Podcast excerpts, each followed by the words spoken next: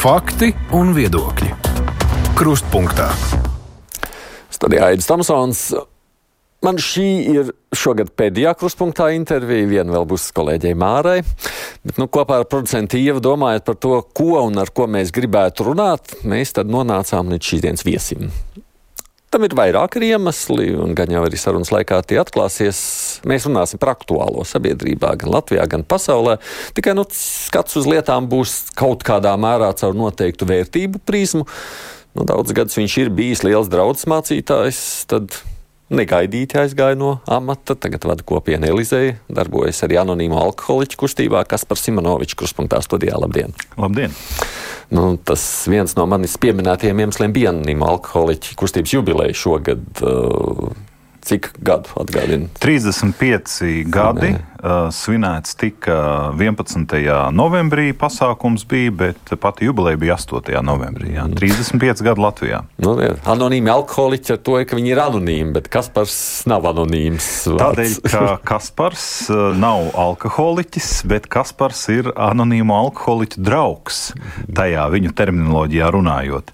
Respektīvi, viņiem ir nepieciešams, tā viņi paši izdomāja, jo tā, piemēram, Amerikā ir bijusi ļoti ilgstoša tradīcija, ka anonīmiem alkoholiķiem ir arī pārstāvniecība sabiedrības vidū, kas drīkst runāt ar savu vārdu, uzvārdu, jo, kā jau tu minēji, viņi paši ir anonīmi, viņi nedrīkst sevi atklāt, bet ir reizes, kad par sevi ir jāatgādina, kad ir jāpastāsta, jāinformē sabiedrība par kaut ko, jākomunicē ar sabiedrību, un tādēļ viņi mani aicināja būt pilnvaroto padomē. Mm, kā tas nonāca? Nu, Protams, kāds tā izveidojās? Uh, tas izveidojās tā, ka jau pirms daudziem, daudziem gadiem manu uzmanību pievērsa 12 soļu programma, kas ir anonīmo alkoholiķu un jebkuras citas anonīmo pašpalīdzību grupu pamatā šī garīgā programma, 12 soļi.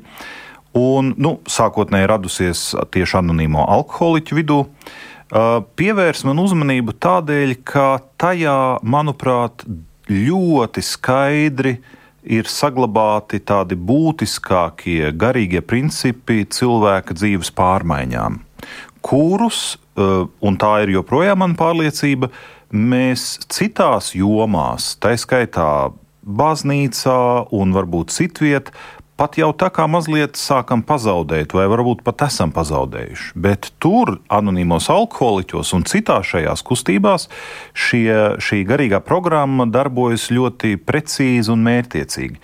Un mani tā ieinteresēja. Un pirms burtiski pāris gadiem, uh, Elizejas ietvaros savukārt, es uztaisīju tādu pārdomu ciklu par šiem 12 soļiem, cenšoties saprast, nu, ko tie nozīmē, kā tos saprast, kā tos interpretēt. Un lūk, kādi no anonīmiem alkoholiķiem bija dzirdējuši šo, šo ciklu, un man atstāstīja apmēram tā, ka es tā klausījos, un pēkšņi dzirdu, ka viens saprot, par ko viņš runā. tā viņi man uzaicināja, eh, uzrunāja, vai es nevēlos eh, kaut kā viņiem palīdzēt.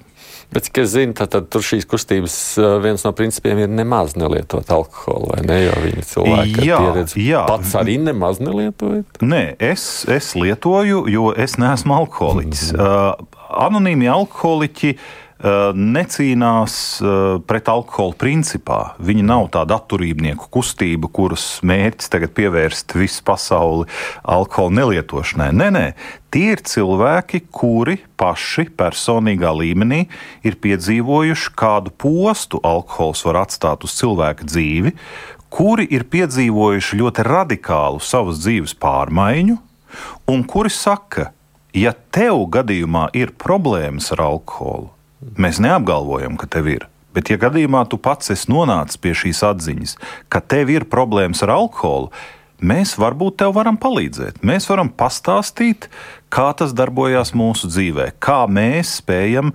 nelietot alkoholu šajā gadījumā. Šobrīd vispār medijos ir pievērsta pēdējās nedēļās un mēnešos šai problēmai, dzeršanas nelēmēji uzmanība. Ko vajadzētu darīt, lai mēs mazinātu arī Latvijā šo atkarības postu?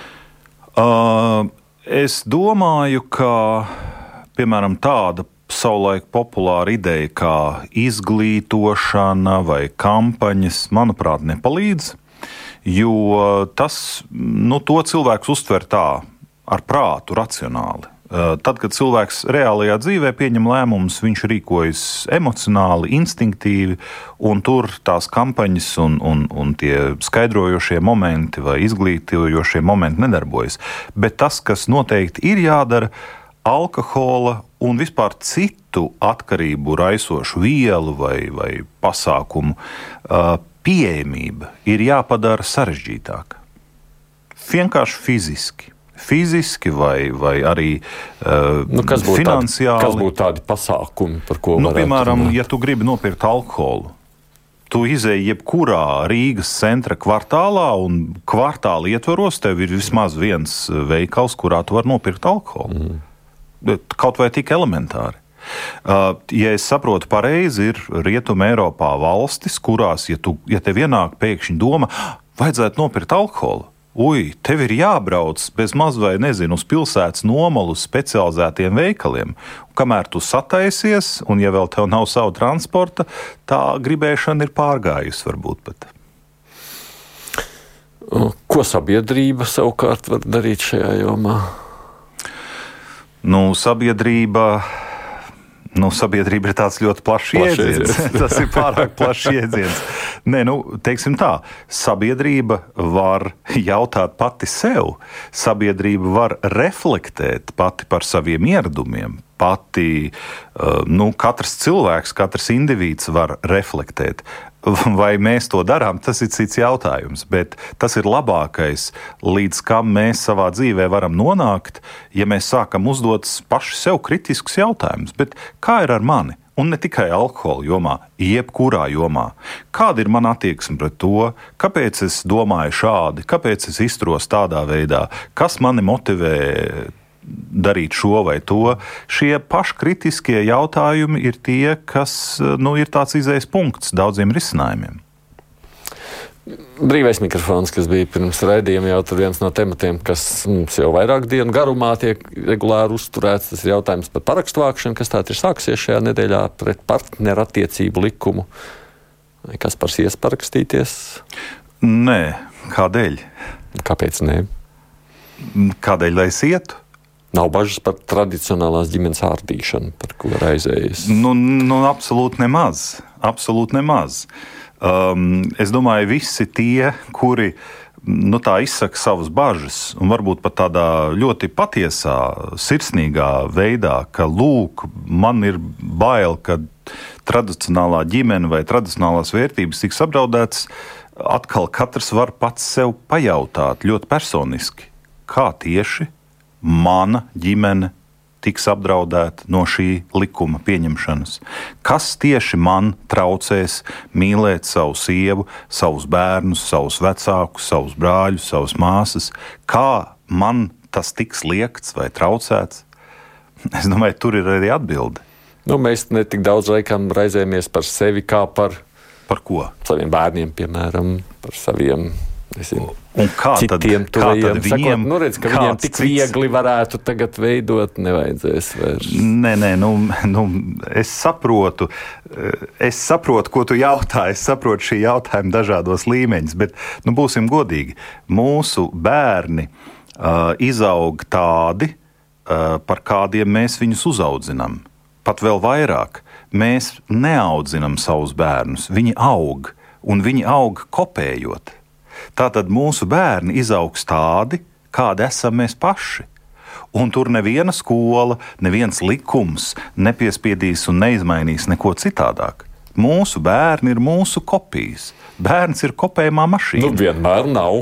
Ja, Nu, atkal. Jūs, ne, nu, ļoti bieži ir tā, ka vecākiem tur pieņemsim, baigie kristieši un bērni tajā pašā laikā sen pilnīgi citos ceļos aizgājuši. Redzi, un te, te varētu daudz parunāt par to. Tie, tajā brīdī, kad tu lieto jēdzienu kristietis, ko tu domā ar šo jēdzienu? Vai kristietis Pēc kādiem parametriem, pēc kādām nu, pazīmēm? Labi, pat, pat šajā brīdī viņš tur ir ar savu konservatīvo uzskatu ceļu, bērns ar savu liberālo uzskatu ceļu. Nav tā, tas ka gan, mēs viens otru ietekmējam. Tādā nozīmē, jā.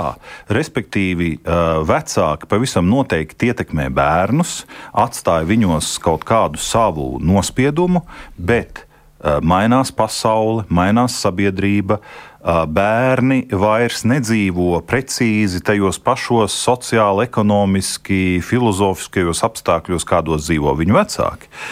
Kad paiet šie 20 gadi un bērns ir gatavs iet savā dzīvē, tā jau ir pilnīgi cita pasaule visbiežāk. Tā varbūt nebija padomu laikos. Nezinu, starp 60. un 80. gadu, ja tur kaut kādu brīdi. Tur varbūt bija tāda stagnācija, nu, tāda paredzamība, ka visi varēja tikai priecāties klausīties, kuriem tas patika. Ja? Bet, ja mēs dzīvojam brīvā pasaulē, brīvā pasaulē nemitīgi notiek dinamisks pārmaiņas. Un, protams, ka bērni, kuri ir izauguši, viņi skatās, kā es varu iekļauties, pielāgoties šai pasaulē, kurā es dzīvoju šobrīd. Un, un tas, ko mēs kā vecāka paudze redzam, mēs sakām, mums nepatīk šīs tendences, mēs gribam apturēt tās, mēs negribam tāpat. Eh, gan tu zini, gan es zinu, gan visi droši vien zina, ka šī uh, paudžu problēma ir pastāvējusi, kamēr vien eksistē cilvēce. Ja? Mm. Šīs plāksnītes ķīļrakstā, kur rakstīts, kādas briesmīgas ir, kāda briesmīga ir mūsdienu jaunatne un pasaulē iet bojā, tādas ir atrastas jau šiet, šķiet šumēru laikos, ja, pirms tūkstošiem gadu. Līdz ar to tas nav absolūti nekas jauns. Uh, tas, kas mums nepatīk, un te varbūt mēs nonākam atpakaļ pie partnerības jautājuma, un pie citiem likumiem, un pie baznīcas taiskaitā, un pie partijām taiskaitā. Tas, kas mums nepatīk, mums nepatīk tas mirklis, kurā mēs sajūtam, ka samazinās mūsu ietekme, kad pazūd vara, zem mūsu rokām. Respektīvi, kāpēc mums liekas, tie vecie laiki bija labāki? Tādēļ, ka mēs bijām jaunāki, spēcīgāki, ietekmīgāki, stiprāki, veiksmīgāki un tā tālāk. Vecie labie laiki. Tajā brīdī, kad mēs jūtam es palieku vecāks, vājāks, mana vieta kaut kā lēnām izplēnē, eh, mans respekts, mana vāra lēnām zūd, mēs paliekam tramīgi. Mēs sākam ar nostalģiju atcerēties vecos laikus.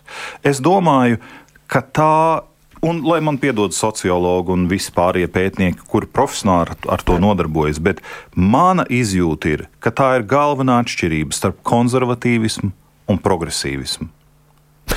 Ne tik vienkārši tā, varu, ne, labi, pastrīdamies. Es redzu arī tos ļaudis, kas aicina, pieņemsim, šobrīd parakstīties. Tie cilvēki, kas noteikti nepriecājas par padomju savienības laikiem, kas ir bijuši lieli neatkarības uh, cīnītāji, kas ir iestājušies par pārmaiņām, lūk, 90. gadu sākumā, kas priecājas par to, ka valsts veidojās kā neatkarīga valsts. Bet, lūk, šajās morāles vērtībās viņiem nepatīk tas, kas veidojās Jā, šobrīd, es, un tāpēc viņi um, skatās. Es tev atbildēšu. Uh, tu ļoti ātri pārlec vienam nelielam posmam. Jā. Tu piesauc padomu laikus, tu piesauc 90. gadu sākumu. Tā, tā bija viņa jaunība, kad viņi bija spēcīgi un vareni. Jā, jā, tu piesauc neatkarības laikus, kad visiem bija cerības, ka mūsu dzīve nu, uzlabosies nu, pamatīgi. Un tagad 23. gads, un kas ir noticis starp 91. vai 90. un 23. gadu? Daudzu dzīves nav uzlabojušās, daudzu sapņi tā arī nav izloloti, daudzi cilvēki tā arī nepiedzīvoja tos labos laikus. Un tas ir rūkums, un tas ir sarūktinājums. Un no viņu perspektīvas pasaule nevis uzlabojās, bet pasaule kļuva aizvien sliktāka vieta, kurā dzīvot. Un es saku vēlreiz, atšķirība starp konservatīvismu un progresīvismu ir tajā, ka konservatīvie skatās atpakaļ un saka, lūk, tur bija labie laiki. Progresīvie skatās uz priekšu un saka, lūk, tur būs labie laiki. Respektīvi, vieni jūt, ka tas potenciāls bija, tā iespēja bija un jau vairs nav, ir palaista garām. Un te savukārt progresīvie skatās, o, te vēl ir iespēja, te vēl ir iespēja kaut kam labam notikties. Šis vektors ir atšķirīgs. Nu, tie, kas skatās, nu, tie mēs paliekam šajos iedzienos konservatīvais un progresīvais. To progresīvo, ko uzskata par labu, es no konservatīvā skatu punkta sakām, nē, tas nekas labs nav. Tur Jā. būs tikai sliktāk. Jā. Un mēs gribam savu ārtavu sniegt, lai kaut cik vismaz nobremzētu to sliktākā tuvošanos. Nu, skaidrs, un ja nebūtu vispār progresīvo, nebūtu šo uz priekšu virzošo ideju, ja dominētu absolūti konservatīvais vairākums, mēs aizvien dzīvotu vecajā pasaulē, pie vecās lietu kārtības. Un baznīca a priori ir konservatīva. Baznīcai ir tāds raksturs. Tas būtu ļoti dziļš filozofisks jautājums, tā būtu vesela tēma droši vien. Kādēļ tai ir tāds raksturs? Vai baznīcai ir jābūt šādam raksturam. Bet baznīcai caurmērā pasaulē, kristīgai baznīcai, ir konservatīvs raksturs. Viņa ir kā tāds ankurs, kā tāds bremzējošs, varētu lietot pozitīvu izteiksmes veidu, stabilizējošs. Ankurs, kas stabilizē sabiedrību, neļaujot tai, kā saka, izšūpoties pārāk tālu uz priekšu. Bet sevi vairāk redzat kā progresīvu nekā es personīgi, jā. Vai šis ir iemesls, kāpēc arī neesat vairs mācītājs? Nē, Traucē? iemesls, kādēļ es aizgāju savu laiku no Rīgas Lutera draudzes, bija totāla pārdegšana, tā bija pārstrādāšanās, tā bija pārdegšana. Uh, un tas bija tāds nu, primārais, dziļākais uh, iemesls un motivācija. Ļoti vienkārši. Jā, tur dziļumā pat neieejot. Vienkārši es domāju, vai ir iespējams savienot tādā gadījumā progresīvam cilvēkam pārstāvēt konservatīvu uh, institūciju. Ļoti sarežģīti. Ļoti sarežģīti. Un pat ne, pat ne uh, manas pozīcijas dēļ, pat ne no manas skatu punkta raugoties, bet no otras puses raugoties. Jo nu, progresīvs cilvēks, kā saka, viņš uh, nu, apzinās to pozitīvo uh, virzību, viņš apzinās to pozitīvo vilkli visam, kas notiek. Nu, viņš, kā saka, nu, vēro, jā, tur ir arī cilvēki, kuri domā, varbūt konservatīvi, kuri varbūt tur ar nostalģiju atcerās citus laikus un tam līdzīgi. Uh, bet uh, liberālais vai progresīvais, nu, vairāk pēc definīcijas, ir tolerantāks, iecietīgāks. Viņš spēj ietvert sevi plašāku šo uzskatu loku. Nē, esmu pārliecināts arī par šo. Nu, vismaz manā izjūtā. Nu, varbūt es neesmu galēji radikāli progresīvs vai nezinu, kāds tur ir. Ja? Bet, bet vismaz manā ieskatā, manā personīgā pieredzē, manuprāt, baznīcai vai lielai, lielākai daļai manu konservatīvo amatbrāļu, kolēģu, ar kuriem man ir bijis jāsadzīvo, manuprāt, ir bijis grūtāk ar mani sadzīvot vai ar man līdzīgi domājošiem nekā mums ar viņiem. Ja tā, tā tikai tāda atkāpe. Vispār pieļaujat kādreiz atgriezties no tādas oficiālās baznīcas rindās kā mācītājs? Um, minimāli. Nu, es nesaku absolūti nē. Jā. Es nevaru kāpēc, paredzēt. Kāpēc minimāli? Um, nu, varbūt zini kā. Um, es ienācu baznīcā 90. gadā, mani kristīja iesvētīja. Uh, es iestājos fakultātē 91. gadā, jau vecgada vakarā sacīju savu pirmo sprediķi. Uh, un es aizgāju no Lutera draudzes šķiet 20. Uh, vai 21. gadā. Es jau vairs lūk, neatceros. Ja? 30 gadi. 30 gadi ir pavadīti. Nu, ir tāda sajūta, ka nu, ir redzēts viss, piedzīvots viss. Kā saka, tā maize ir no mīkstumiņa līdz garozai izgaršota. Un nu, ir tāda Nu, nevelti man šobrīd formālais status ir atvaļināts mācītājs. Es gan īsti nezinu līdz galam, ko tas nozīmē, bet, bet nu, apmēram tā kā nu, negluži pensionēts, ja, bet nu, atvaļināts. Nu, tā mhm. kā nu, savu visu izdarījis. Nu, ir nokalpots. Ja? Tā kā kādreiz, es mazliet ar ironiju, tā kā cara armijā kādreiz 25 gadus tu nokalpo un tad tev laiž mājās.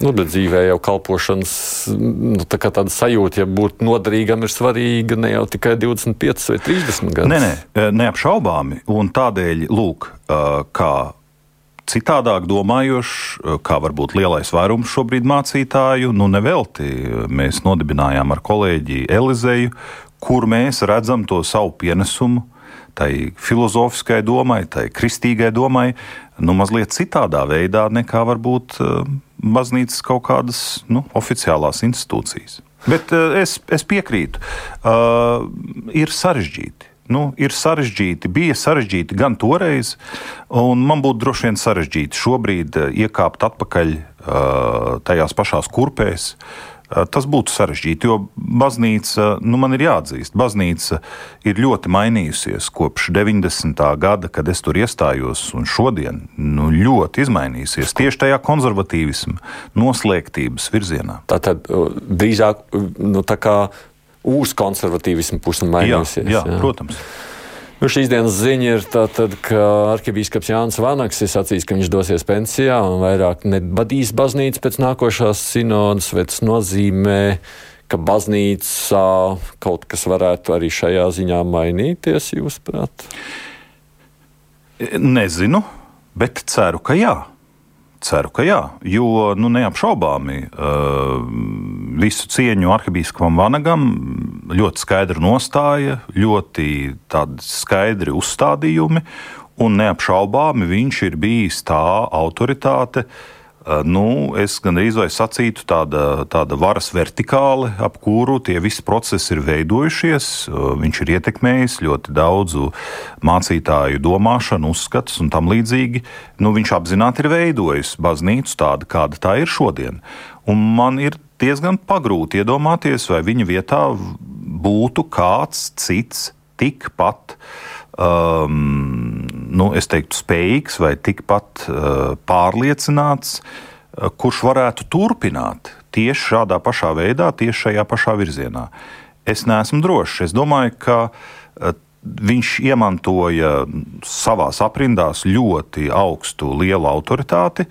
Un es domāju, ka kādam citam iekāpt tajās pašās kurpēs un vadīt baznīcu tieši tāpat būs teju neiespējami.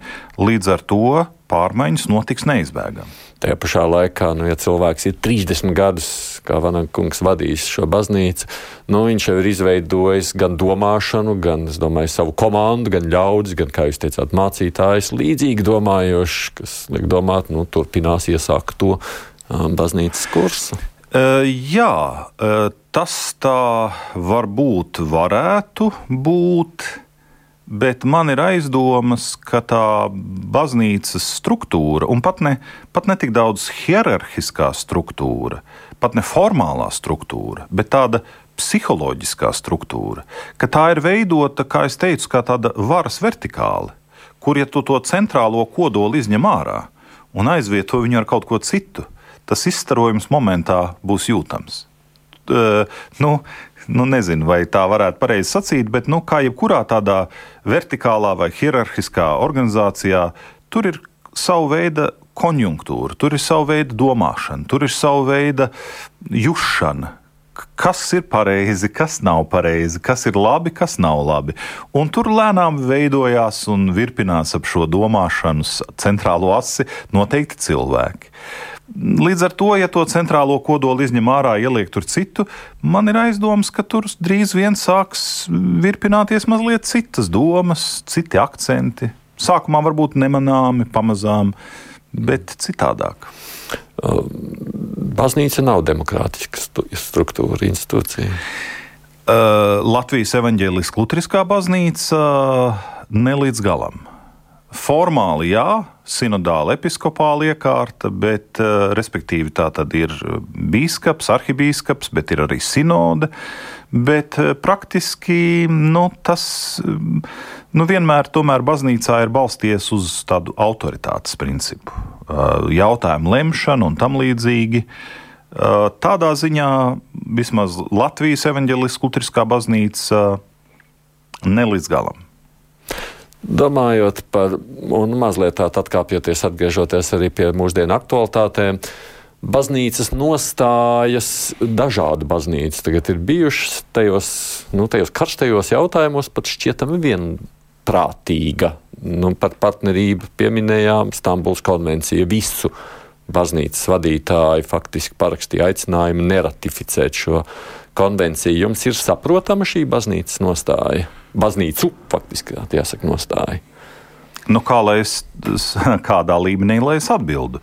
Uh, tik tālu, cik uh, paši biskupi vai baznīcas vadības uh, komentē, argumentē, protams, ka ir saprotami. Nu, jeb, jebkuram, kurš izlasa attiecīgi viņu dokumentus vai argumentus, nu, tāda ir viņu nostāja.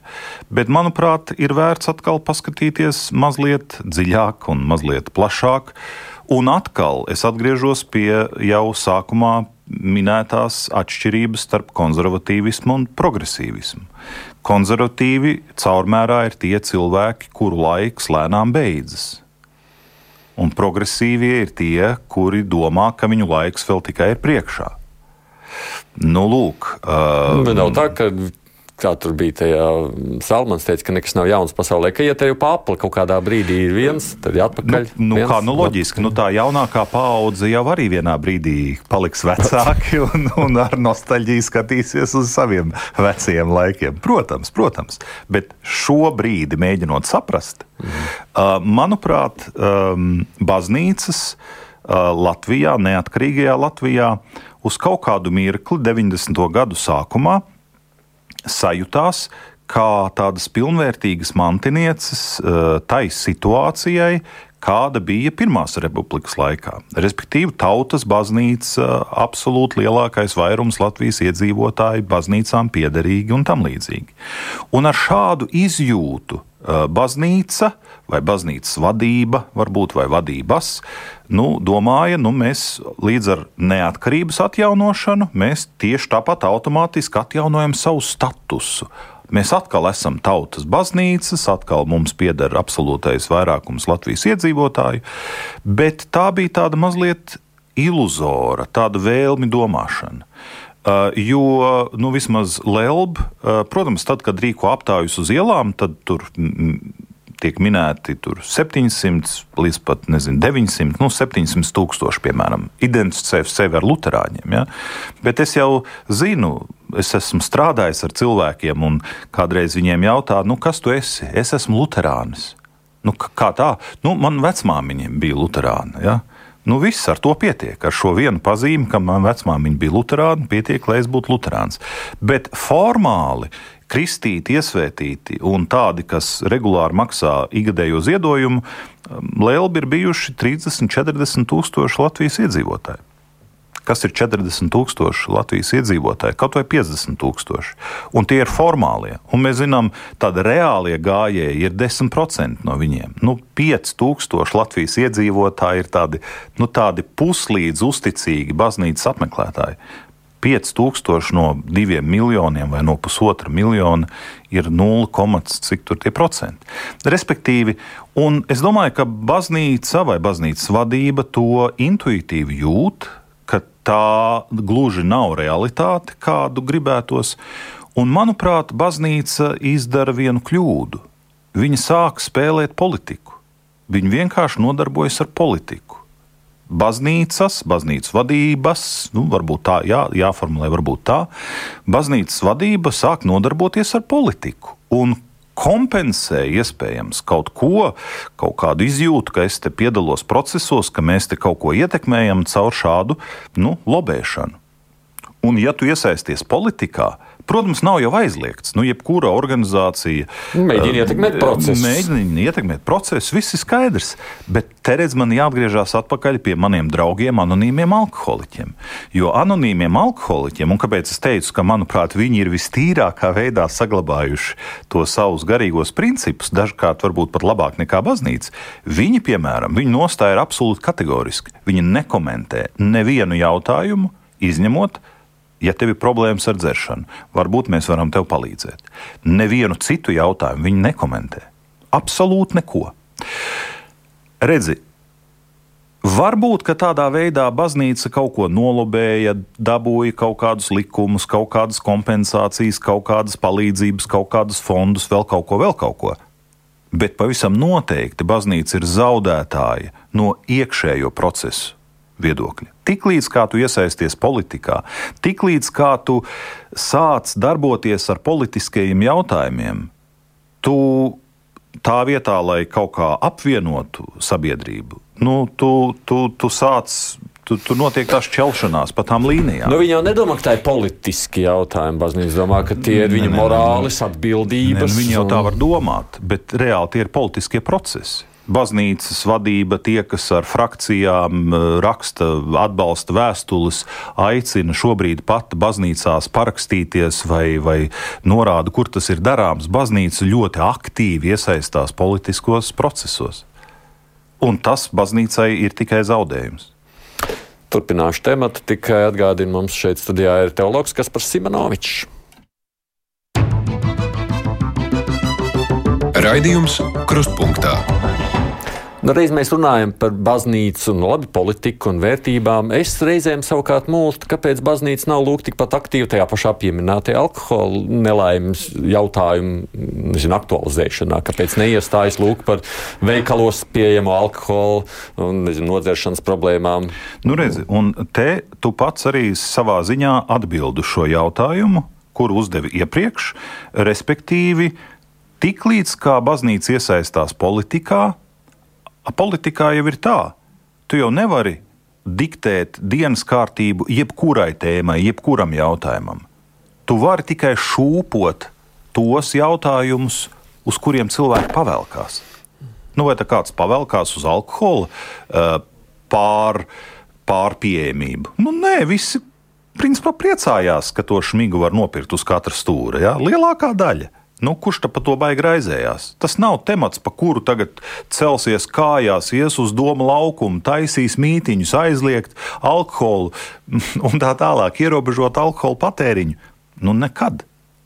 Kāpēc? Lai kaut kādu šādu jautājumu paceltu. Vai, piemēram, nezinu, vardarbība pret sievietēm, vai vēl kaut ko, vēl kaut ko. Nē, tiklīdz kā tu iesaisties politiskā procesā, tu vari šūpot tikai tos jautājumus, uz kuriem pavelkās. Proti, uz partnerību pavelkās, bet ja es iestātos tikpat uz par nu, laulības šķiršanas aizliegumu, tad nepavilktos. Nu, protams. Nu, kā, kāda, nu, tas arī nu, mazliet absurdi. Nu, kāda, kāda tradicionāla vērtība aizstāvība, ja de facto mūsu sabiedrībā eksistē e, seriālā monogāmija vai neformālā poligāmija, kur cilvēkiem ir e, sieva, bērns, mīļākā, bērns no mīļākās. Un, un tas vienkārši notiek sabiedrībā, milzīgos apmēros. Visi jūtas pus, nu labi, varbūt nejūtas komfortabli tā brīžiem, dīvaini, bet principā tā ir realitāte.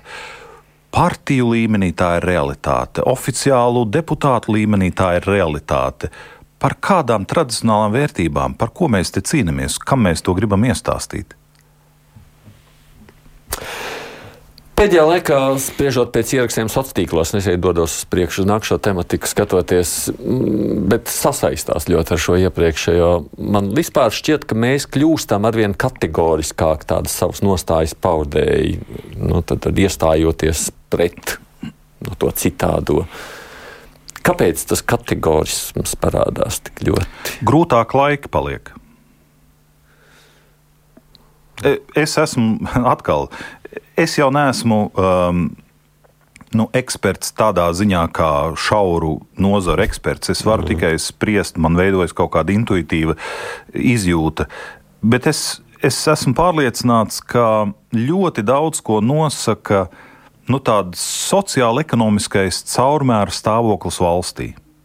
Jo grūtāk cilvēkiem klājas viņu ikdienā, jo cilvēki ir aizkaitinātāki, neapmierinātāki, dusmīgāki, agresīvāki un tā tālāk un tā joprojām.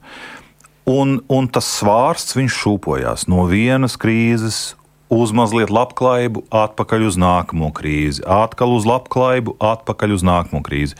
Un tāpat šūpojās cilvēku noskaņojums. labos laikos cilvēki ir tolerantāki, viņi ir draudzīgāki, viņi ir mierīgāki, viņiem ir vairāk naudas, viņi bauda dzīvi, viņi uzsit uz pleca un saka, viss būs labi. Jo naudas mazāk, jo mazāk ko ēst, tu domā, kā izdzīvot. Un tad vēl visādas problēmas parādās šur un tur, un tu paliec vienkārši radikālāks. Nu, ļoti saprotama reakcija. Kā to sadzīvot? Pirmā lieta, ko darītu atbildīgi politiķi, vai jāsaka, jālieto tāds vārds - valsts vīri un valsts sievas, šī vārda tādā labā nozīmē, nemēģināt uz tā būvēt politisko kapitālu. Nu, vienkārši nemēģināt. Tas tā kā, zini, kā mums kādreiz māca tādās elementārās um, lietās, ka, lūk, labā, labos laikos sakrāja naudiņu labāk nu, mazliet pietaupi, nepērc, netaisa gāzi grīdā, bet, bet padzīvo mm. mazliet, mazliet taupīgāk, uzkrāja, lai tev paliek pāri eh, grūtākiem laikiem. Šeit būtu ļoti līdzīgi. Labajos laikos nu, iemācies dzīvot tā, ka tu lēnām kļūst par tādu, tādu saprotošāku, iecietīgāku, pacietīgāku, nobriedušāku cilvēku. Lai tad, kad nāks tie grūtie laiki, lai tu varētu šo iekšējo resursu mazliet sākt lietot. Jo tu saproti, grūti laiki visur. Cilvēki paliek niknāki, bet nu, es vismaz mēģināšu kaut kā to kompensēt, cik es to varu. Un es domāju, te būtu ļoti līdzīgi arī politiskā ziņā. Nu, kāpēc izmantot cilvēku niknumu, tā kā to šobrīd dara eh, viena otra partija? Nu, vienkārši izmanto cilvēku sāpju, niknumu, bezspēcību, lai vienkārši audzētu savu politisko kapitālu. Nu, tas ir absolūti bezatbildīgi. Nu, tas būtu labākais, ko varētu darīt, vai precīzāk, nedarīt. Ja? Man nāk arī vēstules diezgan interesants. Es nezinu, cik mums vairs paspēsim. Droši vien būtu interesanti padiskutēt ar jums, ar klausītājiem. Bet, nu, reiz runājot par tiem grūtākajiem laikiem, nevar neapšaubām pieminēt šo starptautisko situāciju, kas arī ir saspringta šobrīd un daudziem rada ar vien lielāku satraukumu. Tā tīri jau tīri arī no mūsu Latvijas viedokļa raugoties, jums ir bažas, ka Latvija arī var tikt ierauta karā? Man ir bažas tādā nozīmē, ka tas, kas notiek Ukrajinā, vai precīzāk sakot, tā, tas, kas notiek ar Krieviju, um, nevieš šobrīd tādas cerības, ka tas varētu ātri atrisināties. Tādā nozīmē, ka kamēr Krievijā uh, valda Putins, kamēr Krievijā ir šis režīms, uh, tikmēr mēs nevaram mierīgi uzelpot, un visi tie brīdinājumi, kur šobrīd izskan, nu, lai cik gadi tur tiktu saukti, trīs gadi, vai seši gadi, vai desmit gadi, kad Krievija būtu gatava arī ķerties klāt NATO robežām un varbūt, eh, kā saka, skatīties Baltijas valstu virzienā, nu, mēs nevaram būt droši, eh, jo ambīcijas eh, Krievijai ir nu, ne tikai Padomju Savienības ietvars bijušais, Uh, bet arī Varšavas paktu valstis, respektīvi uh, Krievijas nostāja jau patiesībā izsenis ir bijusi atgriezt savu ietekmi bijušās Padomju Savienības robežās. Ja? Tas nozīmē arī centrāla Eiropas valstis. Ja? Un tas ir tas, ko mēs neviļus vērojam šobrīd ar Fico, ar Orbānu, ar, ar, ar, ar kaut kādiem citiem uh, ministriem vai, vai uh, valsts, valstīm.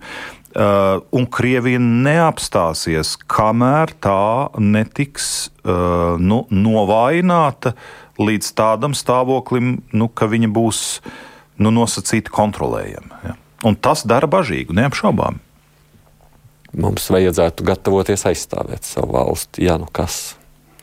Mums vajadzētu noteikti, mums kā valstī, noteikti, bet mums būtu jārunā un jāmeklē visas iespējamās starptautiskās garantijas, tā skaitā NATO ietvaros, nu, būtu jāmobilizē visas tās starptautiskās eh, iespējas, kādas ir Latvijas rīcībā. Jo mēs vieni paši neapšaubāmi Tas ir Latvija ir tik maza, tur pāris stundās pāriet pāri. Protams, es gribu jums jautāt, tāpēc, ka jūs esat teologs. Tāpēc jau arī tā saruna šķiet interesanta, jo tajā, nu, nezinu, tajā gan vēsturiskajā aspektā skatoties, droši vien arī gan jau kaut kur šodienas um, baznīcas dzīvēs kaut kur parādās šī nostāja. Hmm ņemt rokās ieroci, aizstāvēt valsti vai atteikties ņemt rokās ieroci, jo mēs zinām, ir arī bijuši kristīgā nostāja, saka, tev nebūs nogalināti, tāpēc viņi, mēs zinām, alternatīvo dienas tur piedāvā, lai varētu. Nē, nu redzi, šie, jā, šie jautājumi ir diskutēti absolūti izsens. Tie teoloģijā tiešām nav nekas jauns, un kā jau tu pats iezīmēji, ir galējas uh, pozīcijas, ir absolūts pacifisms, un ir konfesijas, kuras ir absolūti pacifistiskas šajā ziņā. Un ir konfesijas, kā piemēram šobrīd Krievijas pareizticīgā baznīca, ja, nu, kura vienkārši, nu, vienkārši ideoloģiski pamato ne tikai savas valsts aizstāvēšanu, bet arī iebrukumu un citu cilvēku iznīcināšanu. Es domāju, ka tā saprātīgā pieeja ir pa vidu. Mēs dzīvojam mierā, mēs nevienu neaiztiekam, mēs gribam dzīvot, sadarbojoties cits ar citu, veidot labāku dzīvi mums visiem. Tas ir pamat uzstādījums. Ja kāds nāk virsū, ja kāds grib atņemt manu zemi, apdraudēt man tos cilvēkus, es mēģinu viņu apturēt, sākumā nezinu, brīdinot viņu, uzsaucot viņam, izšaujot gaisā, Un, ja viņš vienalga nāk virsū un šauj virsū man, nu vienā brīdī es viņu apstādinu, šaujot virsū viņam. Nu, tad ir tā, nu, kurš kuru nošaus pirmais. Ja? Bet uh, es aizstāvu primāri savu un savu tuvāko cilvēku dzīvības. Es šo jautāju tāpēc, ka ja nu sāktos nu, tāda nepatīkama X stunda Latvijā, vai mēs sadzirdētu, vai mums vajadzētu sadzirdēt šajā gadījumā baznīcas balsi, kas aicinātu kaut ko darīt vai nedarīt. Mēs runājam par to politiku, kurā brīdī baznīca iesaistas politikā, kurā nē.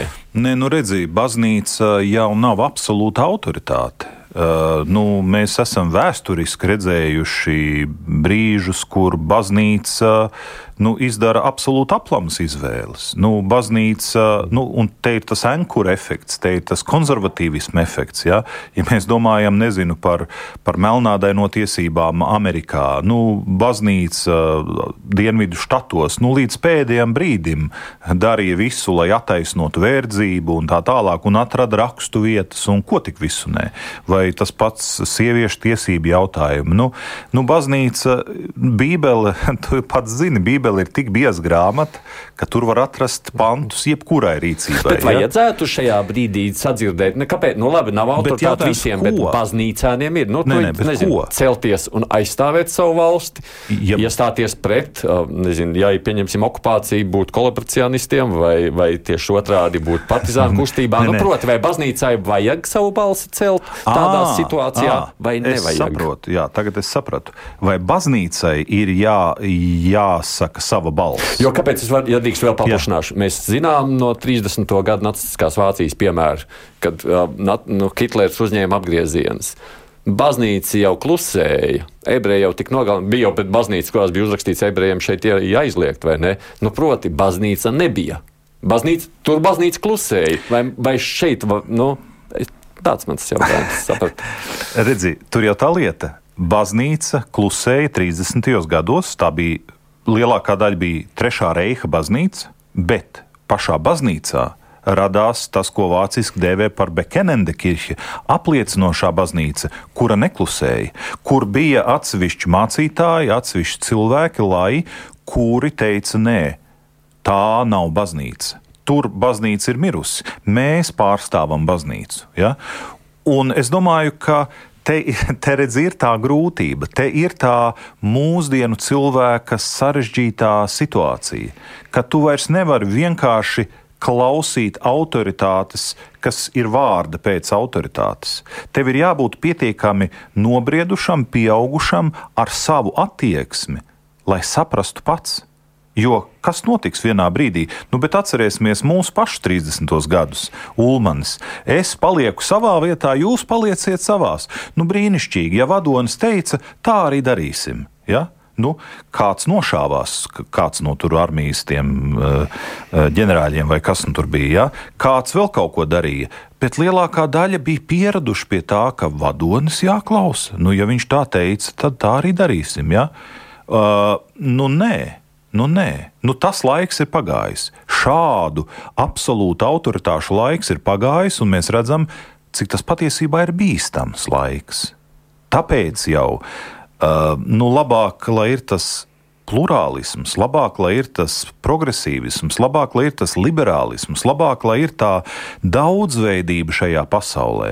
Bet, ja tu uztaisi mo monolītu vai tādu homogēnu lauciņu, tad atnāk, atnāk viena kaita un noēd visu tavu lauciņu, tur pāri nekas nepaliek. Bet vienā uh, puķu pļavā, teiksim, lietojot šo metaforu, tur ir tik daudz dažādas sugas, ka kaut kas varbūt aizies bojā, bet kaut kas izdzīvos. Sabiedrībai, un īpaši globālai sabiedrībai, ir jāmācās būt par šādu tādu multi līmeņa tādu sabiedrību, kurā ir dažādas autoritātes. Nevar vairs atbalstīties tikai uz vienu. Un tā skaitā arī Latvijā, manuprāt, nē. Es nezinu, cik daudz vērts uzmanību pievērst arī Izrēlā. Tur arī karš, kā mēs zinām, šobrīd ir kādas jūsu simpātijas tajā pusē. Uh, nu, protams, kā, kā droši vien liela daļa, es arī metos iekšā internetu zīlēs, lai saprastu, kas tad īsti tur notiek, kāda ir tā vēsture. Un pēc manas saprašanas, uh, bez vainas, protams, nav abas puses. Absolūti nē. Uh, tur katrā pusē ir kaut kādas lietas, bet bija viens vēsturisks brīdis, kad ANO tā brīža, 40. gadu beigu, nu, starptautiskā autoritatīvākā institūcija piedāvāja nodibināt divas valstis. Tajā brīdī tas nav tā kā šodien, kurš šodien jau apšauba ANO vispār jēgu un tam līdzīgi, un kas tā vispār par iestādi un tā. Tajā laikā tā bija absolūti autoritatīva iestāde, organizācija, institūcija. Vajadzēja izmantot arī palestīniešiem un nodibināt savu valsti. Un jautājumi būtu pavisam citādāk šodien, es pieņemu. Bet izrēlieši to izdarīja. Bet Arābu līga teica, nē, nē, mēs viņus tulīt jūrā kā nogrūdīsim, kā dzīvosim pa vecam. Nu, un izrādās nesanāca. Un kopš tā laika nu, tās šausmas tur notiek. Un ja tagad taisa pro-palestīniešu mītiņus visās pasaules lielajās pilsētās.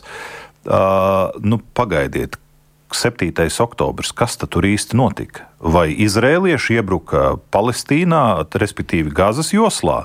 Nē, tie bija Hamas kaujinieki, kur iebruka Izrēlā. Un ko tagad uh, taisa pro-palestīniešu mītiņus? Nu, skaidrs, ka tā ir, tā ir inspirēta mītiņa. Tas nav tā, ka palestīnieši sēž Londonā, izdzird ziņas, ah, nē, nu, jāiet ielās. Nu, skaidrs, tās ir organizētas kustības. Ar milzu naudām, ar milzu līdzekļiem šie cilvēki tiek mobilizēti. Un, oi, nu šī ir, protams, ļoti liela tēma. Migranti, bēgļi, kas ir Eiropā, tādā skaitā, kas ir rezultāts uh, iepriekšējai bēgļu politikai un tā tālāk. Un skaties, kas notiek. Nīderlandē pēkšņi pie varas nāk galēji labējie, par kuru viennozīmīgi runā, ka tieši 7. oktobra notikumi bija tie, kas Nīderlandiešiem lika pēkšņi pārdomāt. Jo viņa partija, neatceros, kā viņu sauc pēkšņi, uh, tā bija kaut kādā 3. un 4. vietā. Jā. Un tad pēkšņi notiek un, un viņi vinnē. Un ar šo perspektīvu mums kādu brīdi būs jārēķinās, ka tas, kas notika tur, un tā viļņošanās, kas šobrīd Eiropā atkal mākslīgi tiek izmantota un pastiprināta, tā radīs tādu labēju, galēji labējo uh, politikas vilni Eiropā. Jūs ar interesi sekojat līdz politiskiem procesiem. Es klausos šķiet. arī divas puslodes, citas starpā.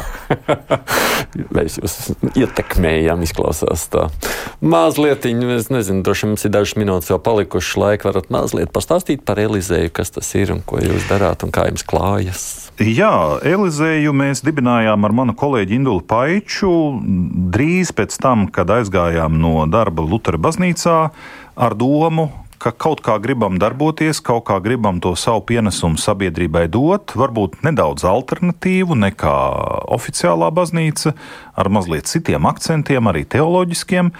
Un kopš tā laika, nu jau būs kāds trešais gads, kad mēs uh, gan nu, pamatā YouTube platformā kopiena Elizeja um, katru nedēļu ierakstām dažādus raidījumus. Visplašākā spektra, sākot ar klasiskām Bībeles studijām, un dievkalpojumu translācija, un, un, un, un, un, un, un beidzot ar, ar vakaru stāstiem, kur es vienkārši lasu kādu literāru darbu vai fragment no tā un komentēju tādā varbūt dzīves, eksistenciālā griezumā, domu improvizācijas, kur mēs ar kolēģi pārunājam visplašākā spektra jautājumus, sākot no psiholoģiskiem un beidzot ar reliģiskiem rīta vakar lūkšanas. Nu, respektīvi, mēs piedāvājam tādu platformu, kur viens cilvēks, ja viņš vēlas domāt par šiem dziļajiem, filozofiskiem, eksistenciāliem, reliģiskiem jautājumiem, kur viņš var to darīt, neatstājot, nenorobežojoties no savu veselā saprāta. Jo tā sajūta mums ir bijusi pēdējos gados aizvien vairāk un vairāk, ka dažkārt varbūt eh, cilvēks jūt tādu dilemmu. Lūk, viņš varbūt gribētu nu, aiziet, paklausīties kādu dievkalpojumu, kādu sprediķi vai palasīt kaut ko, bet kā cilvēks jūt, ka tas, ko viņš tur dzird, nu, tas nav savienojams ar viņa šodienas saprāšanu, zināšanām, izglītību.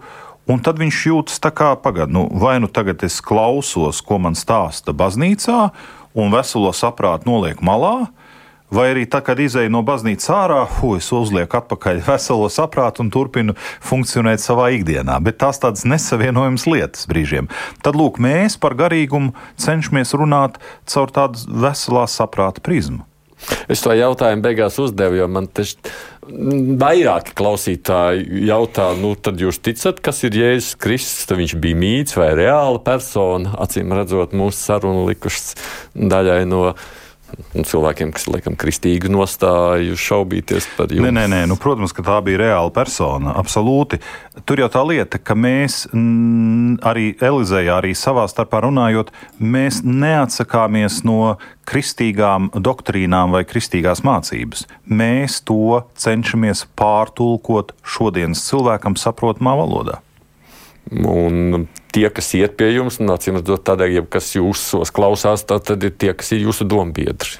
Nu, acīm redzot, un jāsaka, ka klausās aizvien vairāk, un turklāt no visdažādākajām Latvijas konfesijām. Mm. Teologs kopienas Elizeja viens no izveidotājiem. Mēs pieminējām arī darbojas anonīmu alkoholiķu kustībā. Publiskā seja, kas par Simonoviču bija šeit krustpunktā studijā. Paldies, ka atnācāt. Paldies. Mūsu sarunu. Mēs ies, turpināsim zināmā mērā rīt arī šodien aizsākto tēmatu par drošības sarunas aspektiem. Man kolēģi Mārija Ansona turpinās šo sarunu par nu, nezinu, gatavošanos iespējamām tālākiem notikumiem. Mēs dzirdam, ka palīdzība Ukrainai ir sarukusi. Mēs dzirdam ar vien biežāk bažas, ka Krievija Ukrainā varētu palikt. Mēs dzirdam šos bažas, ka varētu mēģināt iebrukt arī kādā no NATO valstīm, visticamāk Baltijā. Ko tad mēs darām? Šajā situācijā, ko darām, lai noskaņojumu mainītu, ko darām, lai situāciju nepieļautu, vai arī kā gatavojamies tādiem scenārijiem. Par to tad saruna būs rīt. Atgādini, mēs esam skatām televīzijā, stundu pēc tam, kad šeit raidījums Latvijas raidījuma ētrā beidzas. varat klausīties mūs tur, kur jums ir ērti, gan raidierakstos, gan arī visur citur, arī aplikācijā Latvijas radio.